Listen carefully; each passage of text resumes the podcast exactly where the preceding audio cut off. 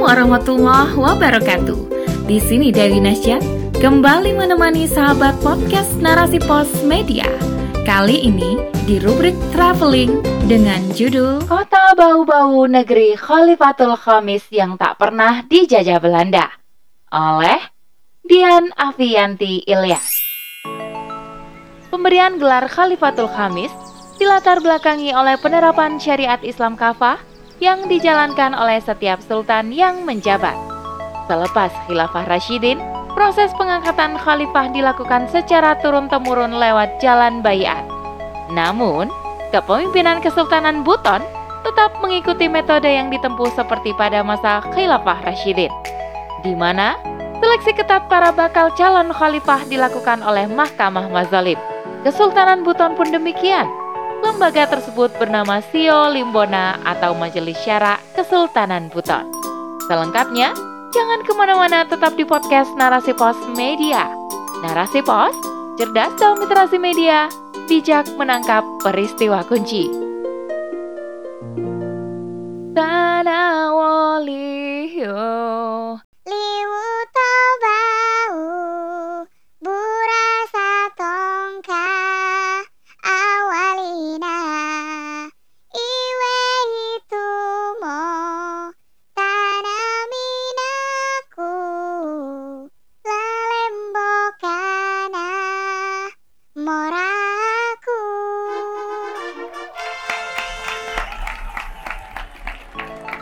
Yap, sebait lirik lagu di atas adalah lagu daerah yang berasal dari kota Bau-Bau, tempat di mana aku dilahirkan dan dibesarkan. Lagu tersebut selalu menjadi langganan untuk kunyanyikan ketika praktikum seni budaya pada saat sekolah dulu. Lagu berjudul Tanah Wolio ini secara utuh menggambarkan bagaimana pesona dan kekayaan alam yang dimiliki oleh Tanah Wolio. Julukan yang dulu disematkan untuk wilayah kota Bau-Bau. Kota Bau-Bau merupakan salah satu kota media yang terletak di Pulau Buton, tepatnya sebelah tenggara Pulau Sulawesi. Pulau ini diapit oleh lautan, yaitu Laut Flores di sebelah selatan, kemudian Laut Banda di sebelah utara dan timur, sedangkan di sebelah barat terdapat Selat Buton dan Teluk Bone. Oleh karena itu, kota Bau-Bau disebut sebagai connecting area atau daerah penghubung. Karena memiliki letak yang strategis yang menghubungkan kawasan barat Indonesia atau KBI dan kawasan timur Indonesia atau KTI. Kota Bau-Bau juga menjadi daerah akumulator hasil produksi perkebunan, pertanian, dan kelautan daerah hinterland seperti Kabupaten Buton, Kabupaten Wakatobi, Kabupaten Muna, Kabupaten Buton Tengah, Kabupaten Buton Selatan, dan Kabupaten Bombana. Saat terjadi konflik antara Kerajaan Gowa dan Kerajaan Bone, Arung Palaka yakni pembesar Kerajaan Bone datang ke Kerajaan Buton untuk meminta perlindungan. Setelah konflik meredam, beberapa orang yang menjadi pengikut Arung Palaka tidak kembali ke Bone dan memilih menetap di Buton. Banyak bangsawan dari Sulawesi Selatan yang memilih Buton sebagai tempatnya berhijrah kala situasi politik di daerahnya yang diciptakan Belanda semakin keruh. Para bangsawan yang datang tersebut rata-rata memiliki gelar Andi Bau. Dari sinilah awal tercipta nama Bau-Bau. Jadi, sama sekali tidak ada kaitannya dengan aroma bau loh ya. Kerajaan Buton terdiri pada tahun 1332 Masehi yang dipimpin oleh seorang perempuan bernama Wakaka. Tatkala bangsa Portugis dan Belanda berbondong-bondong datang ke Indonesia untuk menguasai rempah-rempah di Maluku, wilayah perairan Buton menjadi jalur yang harus dilalui kapal-kapal bangsa penjajah tersebut.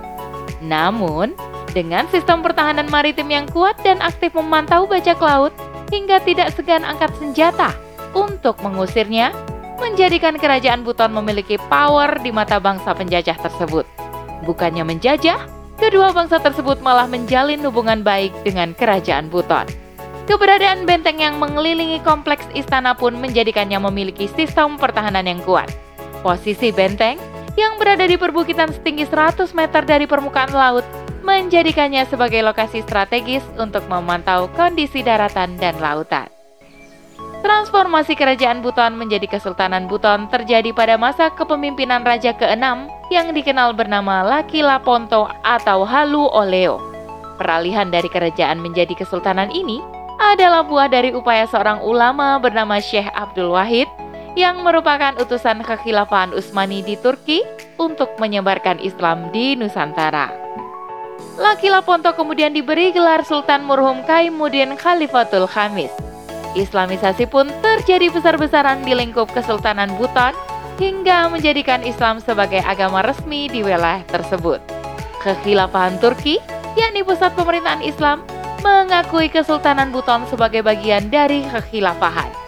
Pemberian gelar Khalifatul Khamis dilatar belakangi oleh penerapan syariat Islam kafah yang dijalankan oleh setiap sultan yang menjabat. Selepas khilafah Rashidin, proses pengangkatan khalifah dilakukan secara turun-temurun lewat jalan bayat.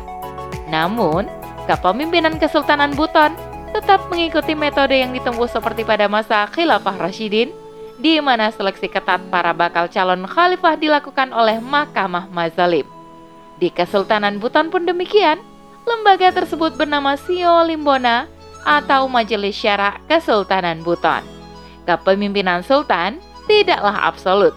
Sebagai manusia yang tidak maksum, sultan yang terbukti melanggar hukum syara akan dipecat, bahkan dijatuhi hukuman mati. Siapa pun yang kedapatan melakukan aktivitas zina dan mencuri, maka mereka harus menerima hukuman rajam dan potong tangan.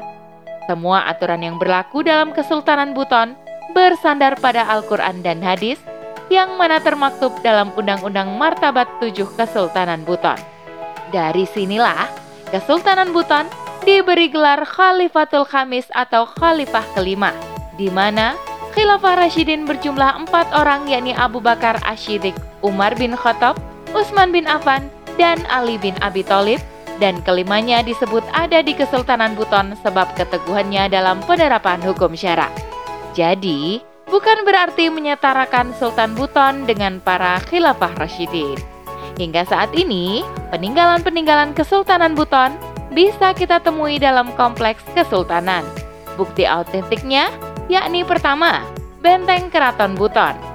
Benteng yang terbuat dari batu kapur atau gunung yang luasnya mencapai 23,375 hektar dengan panjang keliling sebesar 2.470 meter serta tinggi 4 meter dan lebar 2 meter. Tak heran jika kota Bau-Bau juga dijuluki sebagai negeri seribu benteng. Guinness Book Record menetapkan benteng Keraton Buton sebagai benteng terluas di dunia. Di benteng tersebut, terdapat 12 pintu gerbang yang disebut lawa dan 16 emplasemen meriam yang disebut dengan balarua. Posisi benteng yang berada di perbukitan dengan lereng yang cukup curam menjadikan tempat ini sebagai pilihan yang tepat untuk menikmati senjanya matahari dan hilir mudik kapal-kapal di Selat Buton. Tak hanya itu, masyarakat sekitar juga memanfaatkannya sebagai arena jogging. Benteng ini pula menjadi spot favorit wisatawan untuk mengambil foto. Kedua, Masjid Agung Keraton Buton. Masjid ini berada dalam kompleks benteng keraton. Dibangun pada tahun 1712 Masehi pada masa pemerintahan Sultan Sakiuddin Darul Alam. Masjid tersebut memiliki luas sebesar 21 kali 22 meter dan memiliki 12 pintu. Bangunan ini terdiri dari tiang-tiang dan kerangka kayu kelas wahid. Awalnya menggunakan atap rumbia, namun diganti menjadi atap seng ketika direnovasi. Dulunya, masjid ini menjadi tempat pusat kegiatan kesultanan di bidang keagamaan dan para perangkatnya. Kapasitas masjid tersebut dapat menampung sekitar seribu jamaah.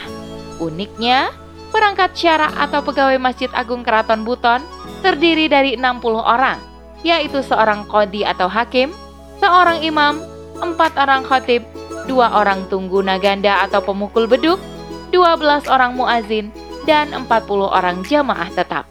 Masjid ini menjadi pilihan masyarakat kota Bau-Bau saat kala melaksanakan sholat Idul Fitri. Ketiga, tiang bendera atau kasulana tombi. Tiang bendera ini terbuat dari kayu jati dengan tinggi 21 meter di atas permukaan tanah dan terletak di sebelah Masjid Agung Keraton Buton dengan jarak 10 meter. Tiang bendera ini dibuat untuk mengibarkan bendera Kesultanan Buton yang disebut longa-longa.